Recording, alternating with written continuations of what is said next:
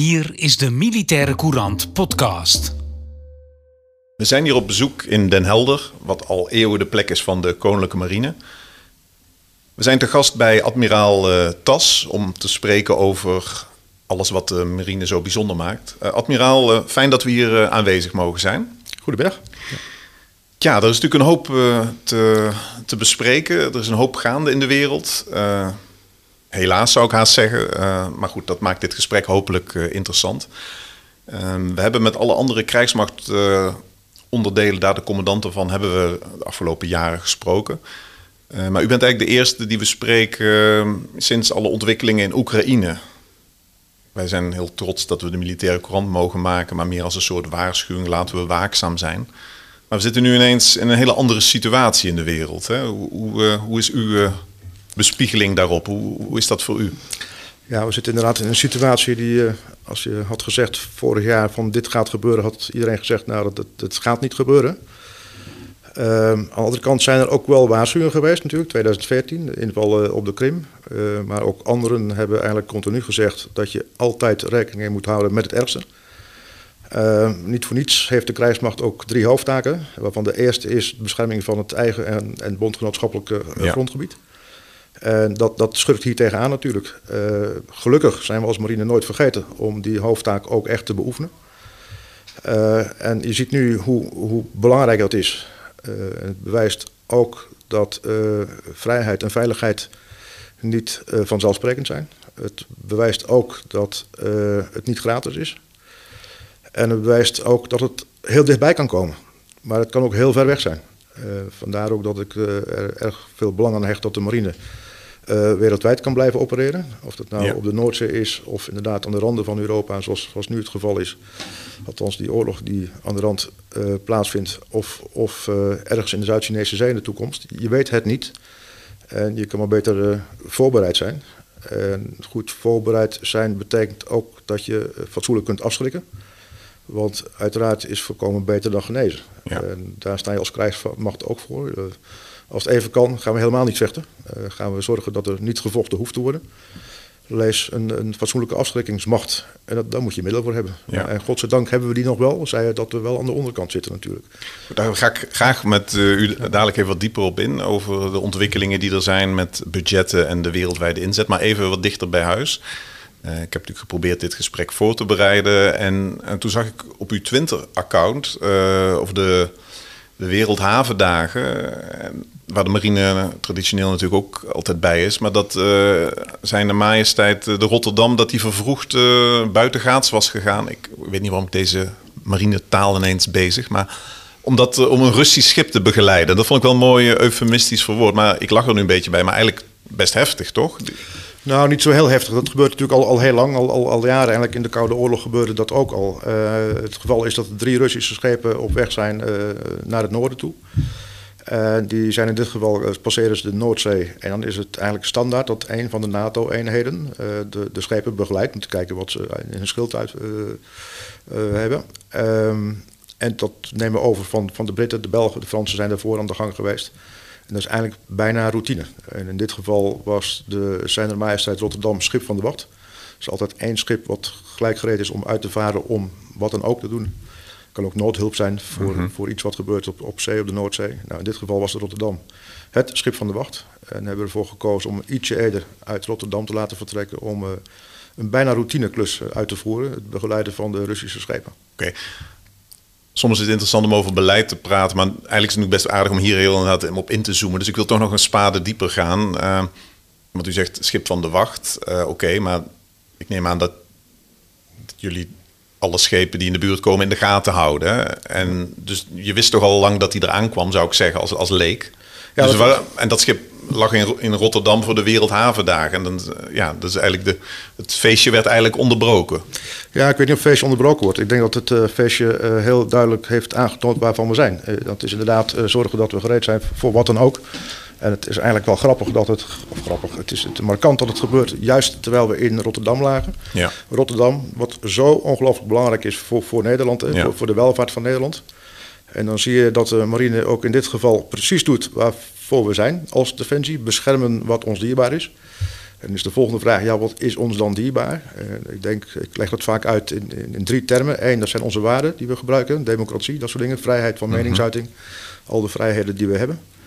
Uh, tweede is onze, onze welvaart, moet beschermd worden. Nou, die welvaart die komt grotendeels uh, door Rotterdam. We zijn natuurlijk een, iets van, van de 17e of 18e economie van de wereld. Ja. De grootste exporteurs, importeurs. En dat heeft alles te maken met onder andere het goederenvervoer en met name het goederenvervoer over zee. En dat, dat past natuurlijk helemaal bij die haven. En dat past ook helemaal bij die marine. Zonder, zonder, zonder zee, zonder oceanen, zonder transport geen, geen welvaart. Ja.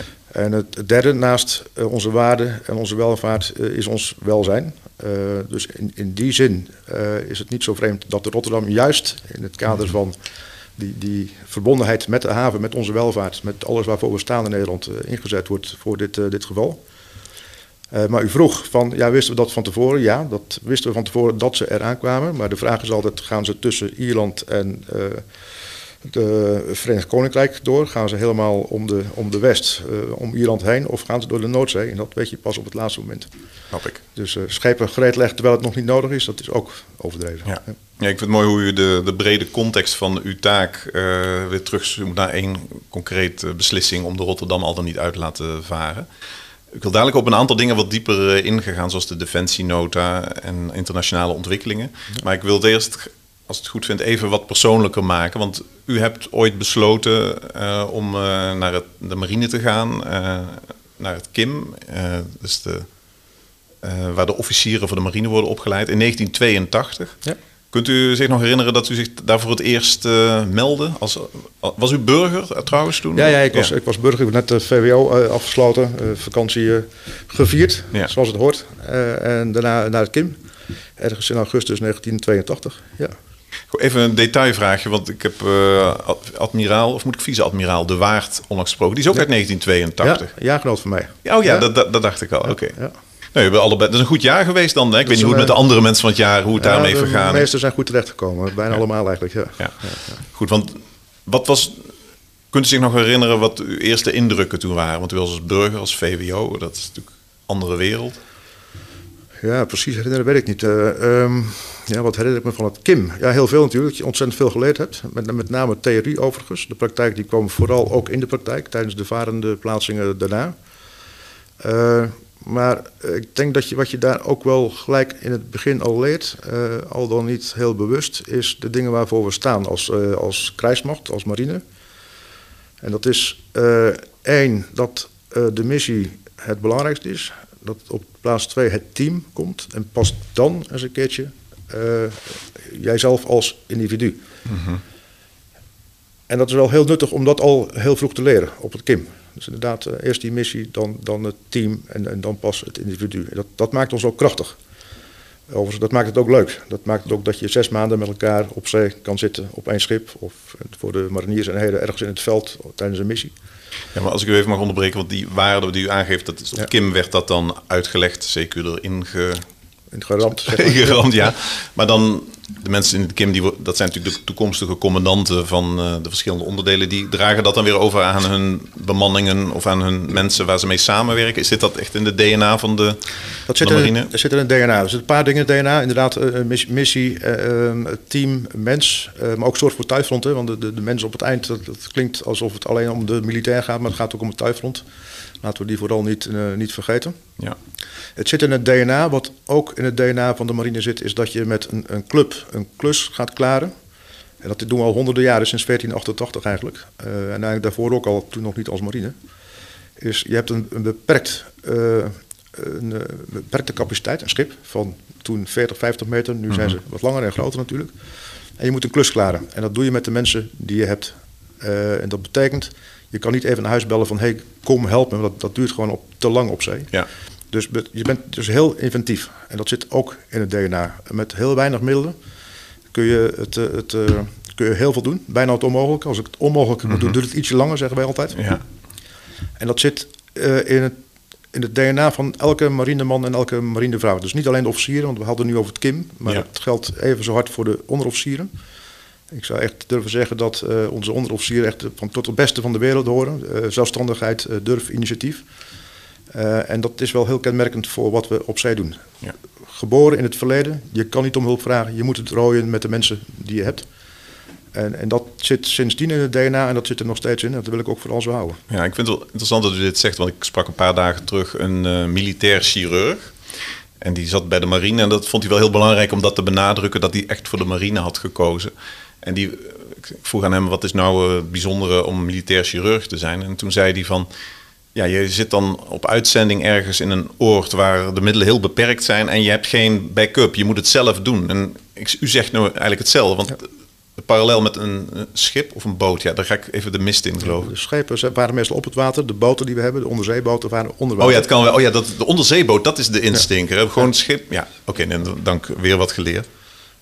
Maar dan ben ik door mijn zijstapjes mijn eigen verhaal even kwijt. Wat wilde ik nu gaan zeggen? De chirurg. Die oh ja, de chirurg, dank u. Um, ja, wat is een parallel dus eigenlijk met schepen? Hè? Want als je dan ergens uh, in de, bij de neus van, uh, of de horen van Afrika uh, zit, ja, dan, dan sta je er ook zelf voor. Je kunt ja. bellen naar Den Helder, maar dat is het dan ook. Hè? Ja. Ja, en, als, en als ze bellen 9 van de 10 keer zeggen van... los het op. Los het lekker op, ja. Oké, okay, duidelijk. Um, ik wil daar nog even wat, wat hele praktische dingen vragen, maar nu even wat meer uh, op beleidsmatig niveau. We hadden net in het gesprek al in het begin erover dat de wereld helemaal anders uh, is geworden sinds Oekraïne. Um, er is een defensienota en er zijn ook weer aanpassingen erop. Um, kunt u er met ons delen wat u daarvan vindt en dan in bijzonder wat betreft de marine, of de koninklijke marine? Nou, de defensienota komt geen, geen moment te vroeg, zou ik zeggen. Nog, nog afgezien van, van Oekraïne overigens. Um, zoals u weet hebben we de afgelopen 20 jaar, of eigenlijk meer dan 20 jaar, na de val van de muur vooral uh, bezuinigd. Uh, er is geen mooi woord voor, bezuinigd op defensie. En dat betekent dat we wel heel erg ver tot de bodem zijn afgedaald. En dat heb ik niet alleen over het vervangen van oude spullen, maar ook het, het uh, zorgen dat je voldoende voorraden hebt, of het nou munitie is of, of reservedelen voor schepen of, of mariniers spulletjes. Uh, daar zaten we echt wel op de bodem. Mm -hmm. uh, dat is één, dat is het materiële gedeelte. Uh, dat betekent ook dat je wat minder kunt oefenen. Dus ook je geoefendheid zie je dan wegzakken. Maar wat eigenlijk wel het belangrijkste is, dat we bij deze defensienota ook vooral aan het personeel hebben gedacht. We hebben een nieuw arbeidsvoorwaardenakkoord. Waarbij de salarissen flink omhoog getrokken worden, maar ook de toelages als je gaat varen of oefenen. Ja. En dat, dat kwam echt, geeft geen seconde te laat, zeg maar. Want ik verlies gewoon mensen omdat ons het niet leuk genoeg zou zijn bij Defensie. Ik zou het overigens wel willen bestrijden, want als ik morgen opnieuw moest beginnen, deed ik het weer. Uh, het is nog steeds hartstikke leuk, maar je moet dan wel de middelen krijgen die je verdient en die je ook echt nodig hebt om dat gevecht te winnen als de afschrikking niet werkt. Nou, en de arbeidsvoor, dat is daar gewoon een belangrijk. Het is geen luxe, dat is een bittere noodzaak, ja, zegt u. Dat was echt, echt een noodzaak, ja. Dat is, nee, er zit, zit geen luxe aan. Uh, het is niet zo dat we nu opeens rijk worden met z'n allen, verder van nog. Hoeft ook niet, uh, want we hebben ongelooflijk mooi beroep. Ongelooflijk belangrijk beroep. Hè. Als je ja. hebt over zingeving, dan zit je bij Defensie zit je hartstikke goed. Het is ongelooflijk uh, um, eigenlijk eervol, maar ook belangrijk werk wat we doen. Ja. We hebben het gehad hè, over onze waarden, of ons welzijn, onze welvaart. Nou, daar zijn wij van, direct of indirect. Maar arbeidsvoorwaarden horen erbij, uh, goede spullen horen erbij. Uh, maar ook als je een missie krijgt, dan moet je wel zorgen dat je het kunt winnen als het echt nodig is. Nou, ook dat wordt hersteld met deze defensienota. En het gaat niet alleen om het vervangen van oude spullen, maar ook echt het vernieuwen.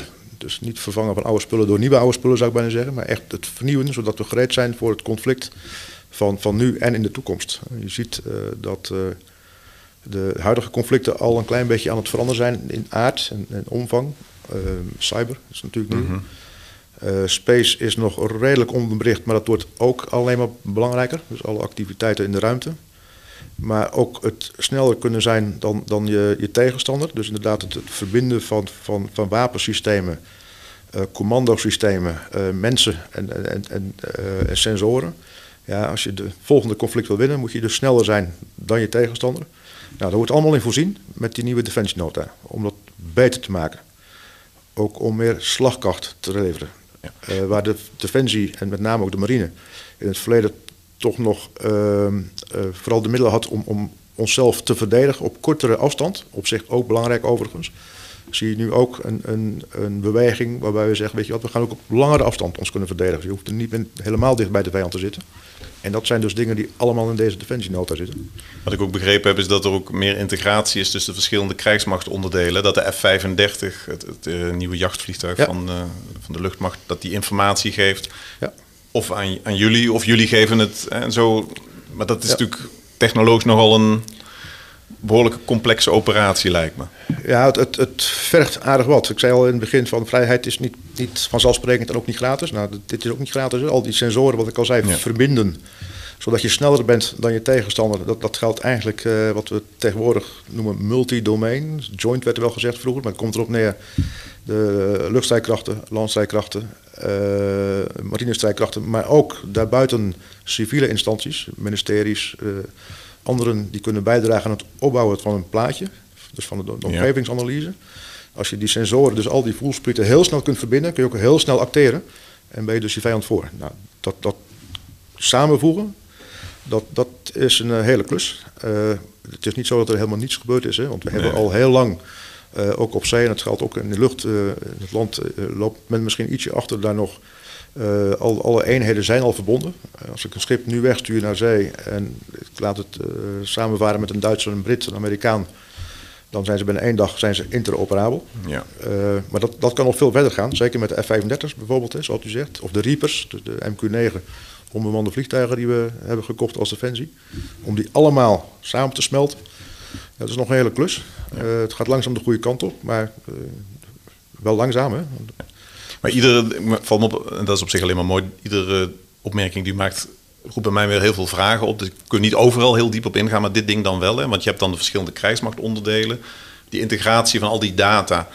Hoe moet ik dat dan voorstellen binnen Defensie? Is er dan een soort projectteam opgezet met mensen uit verschillende krijgsmachtonderdelen die dat dan afstemmen? Want, Ja, we hebben in de defensienota staat een hele, heel stuk over eh, informatiegestuurd optreden. Eh, eigenlijk is dat een beetje het, eh, het datagedeelte van, eh, van het multidomein optreden. Dus inderdaad geïntegreerd met andere krijgsmachtdelen. Eh, en, en daar wordt projectmatig naar gekeken van eh, hoe gaan we dit aan elkaar binden. Niet alleen in Nederland, eh, want we, immers, we gaan de oorlog niet alleen in, of het conflict. Dat doen we samen met onze, onze bondgenoten en onze partners. Dus je moet dat ook in NAVO-verband doen. Ook NAVO heeft projectgroepen, waarbij ook in zitten overigens. ja. Daar heet het Federated Mission Networking. Dus hoe ga je alles integreren? Hoe ga je zorgen dat je dezelfde standaarden gebruikt om data heel snel bij elkaar te kunnen brengen? En ook heel snel weer terug te brengen naar degene die het moeten gebruiken. Want verzamelen is één ding, het terugsturen naar de, zeg maar, degene die ermee moeten wer- werken, vechten, afschrikken. Ja, dat is, dat is een, een, op zich alweer een, eh, een uitdaging. Ja, want u bent nu ongeveer anderhalf jaar in functie en wellicht wist u het al wat langer dat dat ging gebeuren. Ehm, maar toen, eh, toen- ja, ik weet niet precies hoe dat gaat, maar u overweegt dan van op een gegeven moment stelt iemand die vraag. Ehm, dan moet je dan ja of nee op zeggen. Ehm, maar de beschikbare budgetten die u had, was dat voor u een overweging om al dan niet ja te zeggen of nee te zeggen? Of had u voldoende vertrouwen erin dat het een functie was die, eh, die u aan zou kunnen en willen? Nee, ik heb niet over de budgetten nagedacht. Op een gegeven moment ze je of je deze baan wil. En eh, dan denk je bij jezelf, eh, aan kan ik dat? Eh, ehm, en dat is de overweging. Niet, niet zit er genoeg geld in. Ik bedoel, iemand zal het sowieso moeten doen, geld of geen geld. Eh, maar ik ben wel ongelooflijk blij dat ik de eerste admiraal ben in heel veel tijd die nu een keertje Ja. geld mag uitgeven. In plaats van alleen maar weer moet eh, besparen en beknibbelen. Dus, eh, maar dat is geen overweging geweest voor mij. Oké, maar ik kan me voorstellen dat er een, u had er al iets over gezegd, dat er een soort ondergrens is qua financiën. Maar ja, de, Ja, een ondergrens is natuurlijk dat de politiek bepaalt hoeveel we krijgen. En daar, daar voegen we ons naartoe. Dat betekent niet dat, dat het leuk is als je, als je moet bezuinigen, verder, verder van. Eh, maar het zou hebben kunnen leiden tot, tot het afstoten van meer capaciteiten als we inderdaad niet meer geld hadden bijgekregen. Dus we hebben inderdaad het op het minimale van het minimale gehouden. ja. En eigenlijk al minderen. De landmacht is tanks kwijtgeraakt.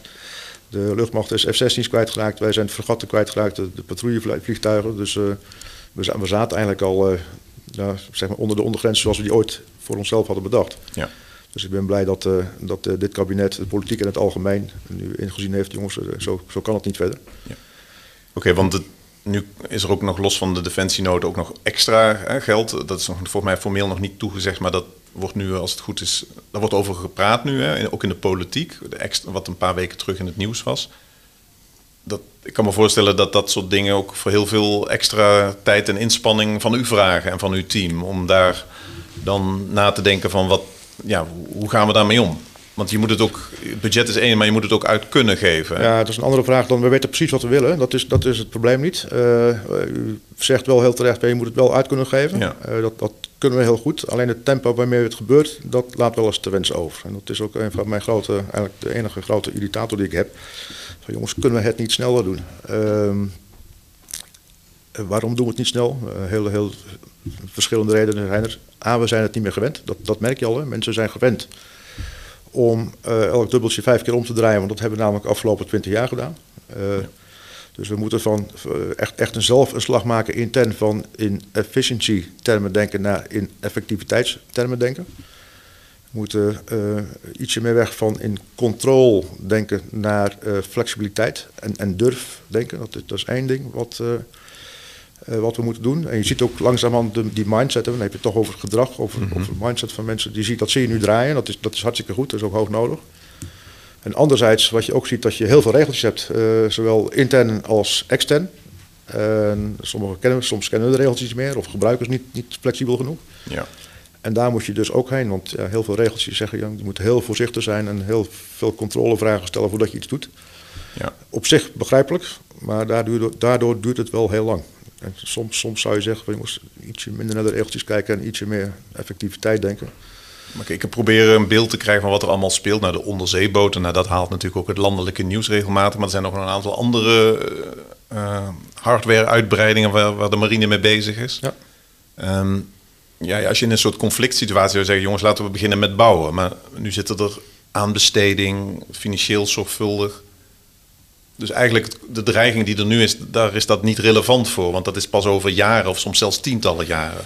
Ja, maar dat is dus een reden dus wel om, om wel heel zorgvuldig te zijn. Ik bedoel, je, het, het- aan de ene kant moet je zorgen dat je vaart maakt. Hè, dat, je, dat je inderdaad eh, niet meer regeltjes jezelf oplegt dan noodzakelijk is. Maar dat ontslaat je niet van de verplichting om toch heel zorgvuldig te zijn. Juist met het oog op die dreiging die zich verder ontwikkelt. Ja.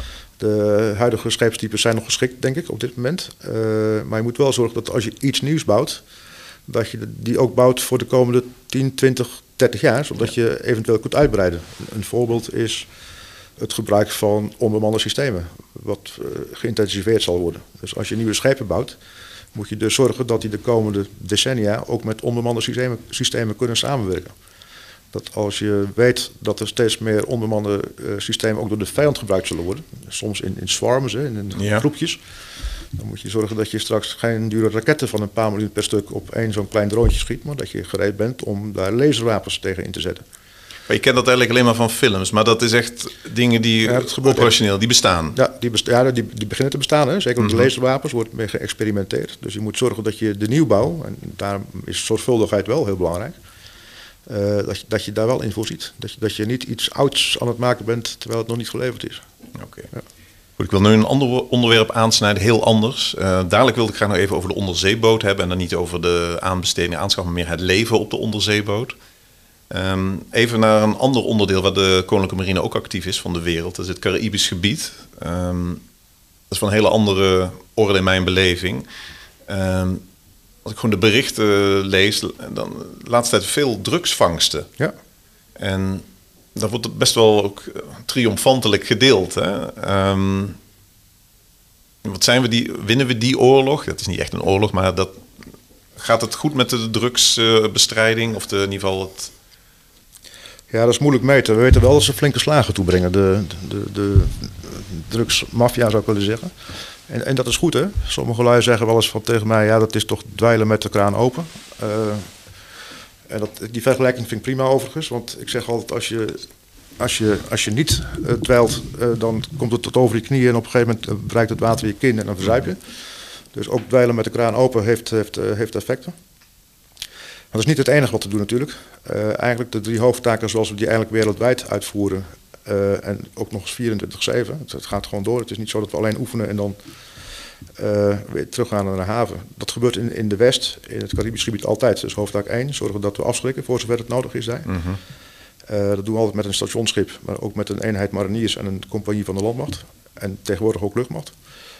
Eh, twee is zorgen voor stabiliteit in de wereld. Nou, dat doen we onder andere met de counterdrugsoperaties, maar ook door showing the flag, andere samen te oefenen met, met, met onze partners daar.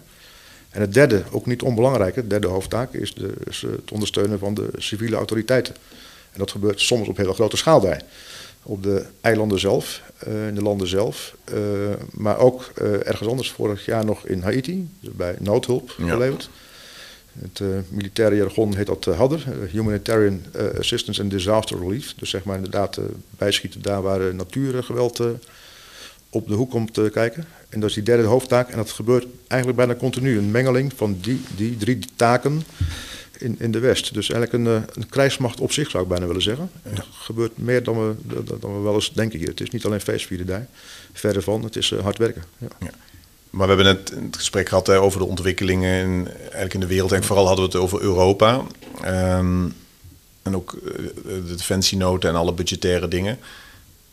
Maar daarna heb ik het dan over de in het Caribisch gebied. En dat lijkt me ja, voor u ook een, iets van een hele andere orde. Maar in uw dagtaak, hoe gaat dat in zijn werk? Daar wordt u nu en dan van op de hoogte gehouden? Of is dat bestaand beleid en hoeft u er niet zoveel uh, over na te denken? Of heeft u daar wel daar ook de vinger aan de pols? Nee, ja, nou ja, dat uh, vinger aan de pols dat klinkt alsof ik er mee echt uh, heel actief mee bemoei omdat het fout zou gaan. Dat is helemaal niet zo. We hebben daar natuurlijk een generaal zitten die op dit moment uh, commandant zeemacht Caribisch gebied is. En die kan het heel goed alleen. En die uh, deelt zijn zorgen met mij. En als het gaat over geld of over inderdaad uh, langdurige inzet van schepen, roulatie van schepen, dat, dat wisselt hij met een helder. Maar in principe is, die, uh, is hij en zijn staf uh, en de mensen die in het Caribisch gebied werken, zijn die heel goed in staat om uh, zeg maar, te doen wat ze moeten doen. En uh, het is niet zo dat ik elke week met een bel van God gaat het goed of het gaat, gaat niet goed. Verder van, één keer in de maand spreek ik hem. Mijn plaatsvervanger spreekt hem ietsje vaker. dat is meer bedrijfsmatig ja. dingetjes. Nee, dat, dat, dat regelt zich grotendeels zelf. Ja. dat is goed om te horen. Dan het laatste onderwerp wat ik graag met u, met u wilde bespreken, dat is de onderzeeboten. Het leven op de onderzeeboten. wij als militaire courant besteden heel veel aandacht aan veteranen. Mensen die op uitzending zijn geweest. En je hebt allerlei soorten en maten uitzending.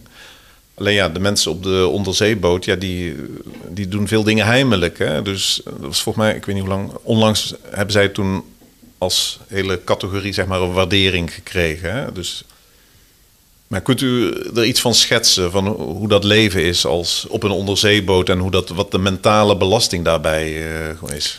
Ja, ik heb nooit op een onderzeeboot gevaren, dus het zou wat aanmatigend zijn om te zeggen ja. dat ik ga nu eens precies uitleggen hoe het leven op een onderzeeboot is. Dat, dat, daar hou ik me dus ook verder van. Ik heb alleen, dus dit ga ik ook niet doen, mm -hmm. dit ga ik niet beantwoorden. Wat ik wel ga zeggen, ik ongelooflijk veel respect heb voor alle jongens en meisjes die op de, bij de onderzeedienst uh, werken. Het uh, verschil uh, met, met andere eenheden is toch vaak dat het altijd gerust wel gevaarlijk is. Hè? Het is een beetje zoals -hmm. vliegen, er is weinig, ja. weinig ruimte om fouten te maken. Uh, het opereren in, in oorlogstijd en in vredestijd zit niet eens zo heel veel verschil. Ja, er, wordt niet, mm -hmm. er wordt niet over en weer geschoten. Maar verder is het, is het spannender. Het is ja. spannend. Je continu hele hoge veiligheidseisen. ja, en je ziet weinig als je onder water zit. Dus mm -hmm. het, uh, als je, je kan nog eens een keurig een, een peukje aan dek roken als je op een groot schip zit en naar buiten kijken. Dat is natuurlijk, de horizon. Uh, ja. De horizon kijken, uh, daglicht zien, dat is natuurlijk wel, wel anders op een onderzeeboot. Dus het stelt wel speciale eisen aan de, de, de mannen en vrouwen die daar werken. heel dicht op elkaar, bijna nul privacy. Bovenwaterschepen ook niet heel veel, maar ietsje meer nog. Ja. Dus ik heb er heilig respect voor wat ze doen, zoals, al, zowel qua missie, qua inzet, maar ook als, als, als mensen, als team, wat ja. daar gepresteerd wordt onder water. Ja. Goed, dat menselijke verhaal dat kan ik niet van u krijgen, omdat u zelf nooit in een onderzeeboot gediend heeft. Dus dat, dat is helder. Maar u bent wel commandant van de, de zeestrijdkrachten. Hè? Zijn er dingen die u met ons kunt delen die jullie doen extra qua begeleiding voor mensen die op de onderzeeboot zien? Hoe, het mentale aspect lijkt me. Ik denk ja. het meeste gebeurt door het team zelf. Wat ik al zei, je hebt je missie, uh, een team en dan pas komt het individu. Dus heel, heel veel uh, laten we over aan het team, aan de, aan de individuele commandanten, maar ook aan, aan debriefings na missies, na inzet. Dat is allemaal keurig uh, geregeld. Niet, overigens niet alleen voor de onderzeedienst, maar ook voor andere eenheden die ingezet worden. eigenlijk, het begint al met nulderlijnzorgen. Dus, dus de collega's die voor elkaar mm -hmm. zorgen. Dat is nog geen professionele zorg. Maar het is wel een, een, een oor wat, wat, uh, wat luistert. Uh, en daarmee vang je al uh, heel veel potentiële ellende op. en daarna hebben we natuurlijk een heel professionele organisatie die erachter zit. Dus aan begeleiding is echt is, is, is goed gezorgd, vind ik, voor, voor de mensen. Heel anders dan toen ik 14 jaar geleden in dienst kwam. Was het toch meer van, je moest niet zeuren, gewoon de volgende missie. Nou, daar zijn we godzijdank vanaf. Dat is echt uh, professioneel geworden. En als mensen van onderzeedienst. Maar dat kan ook zijn special forces die terugkomen uit een een speciale inzet. Hè. Eh, Kabul vorig jaar bijvoorbeeld. Ja. Daar, die worden dus echt in de gaten gehouden en die kunnen zelf ook altijd aan de bel trekken of collega's. Zodat er tijdige opvang is en, en professionele opvang. Ja. Ja. Ja, want ik gaf net aan, eh, je bent eigenlijk altijd in inzet, een beetje vergelijkbaar met, eh, met vliegtuigen. Ehm, want voor mij hebben we op dit moment vier onderzeeboten. Ik weet niet of die ook alle vier operationeel zijn, maar want soms zie je ze hier liggen of dan zie je dat ze bij de Wereldhavendagen zijn, maar Ja. eh, en zie je soms in een buitenlandse haven, maar soms heb je ook geen idee, hè? Ja. Want dan kan ik ze eigenlijk op de app, wat tegenwoordig die eh, online is, kun je ze volgen of? eh, Nee, die kun je niet volgen. Nee, nee. precies. Ik Dus ga, dat, ik ga ze ook niet vertellen waar ze dan zitten. Nee, maar ik ben, kijk of ik kan scherp kan interviewen of Ja, ik het ja, los kan krijgen. Nee, maar dat, dat is dus een voorbeeld van dat ze eigenlijk altijd Ja. gewoon eigenlijk op uitzending zijn eigenlijk. Ja, niet formeel, maar Ja. praktisch. Nee, soms het is niet altijd op uitzending. Het is niet altijd even, even ver weg en, en, Mhm. en- en ingewikkeld en, en spannend. Eh, ze oefenen ook bij Zuid-Engeland, waar we samen met de, de Britse marine en andere marines een soort eh, opwerk, eh, een, een oefengebied hebben. En daar oefenen we eigenlijk alles wat je zou moeten kunnen op zee. En ook daar worden onze onderzeeboten ingezet om zowel onze schepen als, als schepen van de bondgenoten te trainen. Ja, dat is ietsje minder geheim dan, eh, Ja, snap ik. dan wat ze soms doen. Ja, oké. Goed, nou, eh, admiraal, hartelijk dank voor dit gesprek. Volgens mij hebben we de dingen die eh, wij in ieder geval aan de orde wilden stellen behandeld. Is er iets wat u zelf graag nog met ons zou willen delen en met de luisteraars? Ja, we hebben natuurlijk uitgebreid gehad over de defensienota. Waar we het nog niet over gehad hebben, is, eh, is mijn, eh, mijn, mijn zorg voor het personeel. Eh, ja, arbeidsvoorwaarden zijn, eh, zijn, zijn beter. De programma's zijn eh, denk ik ook mooi, vaarprogramma's. Maar toch heb ik nog heel veel mensen nodig. Eh, ik heb een flink aantal vacatures. En ik zou dus ook via dit programma iedereen wil oproepen... als je neefjes, nichtjes, buurjongens, buurmeisjes... maar de buurjongens, buurmeisjes, neefjes, nichtjes Ja. zelf ook... willen oproepen van kijk eens eh, op onze website, kom bij de marine... Een geweldige baan. Het doet ertoe. Hè. Ik heb het gezegd, wij, gaan, wij beschermen waarde, welvaart, welvaart, welzijn. Beschermen wat ons dierbaar is. We zijn een high-tech bedrijf. Een bedrijf met heel veel avontuur. Je bent vakman, je bent zeeman, je bent marinier. Eh, je, je komt de hele wereld over. Ik zou bijna zeggen, ik zie geen reden om niet bij de marine te komen. Ik ga bijna solliciteren, maar ik ben te oud, ben ik bang. Maar, ehm, en mensen met verschillende achtergronden, opleidingen, interesses. Ja. Jullie hebben breed... Ja, ga in godsnaam, be- bezoek de website en kijk hoe leuk het is. Kom eens langs in Den Helder, er is altijd wat te regelen. Of individueel, of via de school, of wat dan ook. Eh, maar ook voor de ouderen, dus niet alleen de, de jonge mensen van eh, achter in de, of voor in de twintig. Ook de ouderen zijn welkom, dus... eh, Oké, hartstikke goed. Ja, ik had hier als laatste vraag eh, staan. Kunt u jongeren aanbevelen om bij de marine te gaan werken? Nou ja, die vraag heeft u al beantwoord. hè? Als ik morgen 18 weer 18 was, begon ik weer opnieuw. Ja. Goed, nou daar kunnen we niet meer overheen. Ik stel voor dat ik dan nu afsluit met u hartelijk te bedanken. Admiraal Tas hier vanuit Den Helder. Dank voor uw medewerking aan dit gesprek. En mijn naam is Jan Lauwers van de Militaire Courant.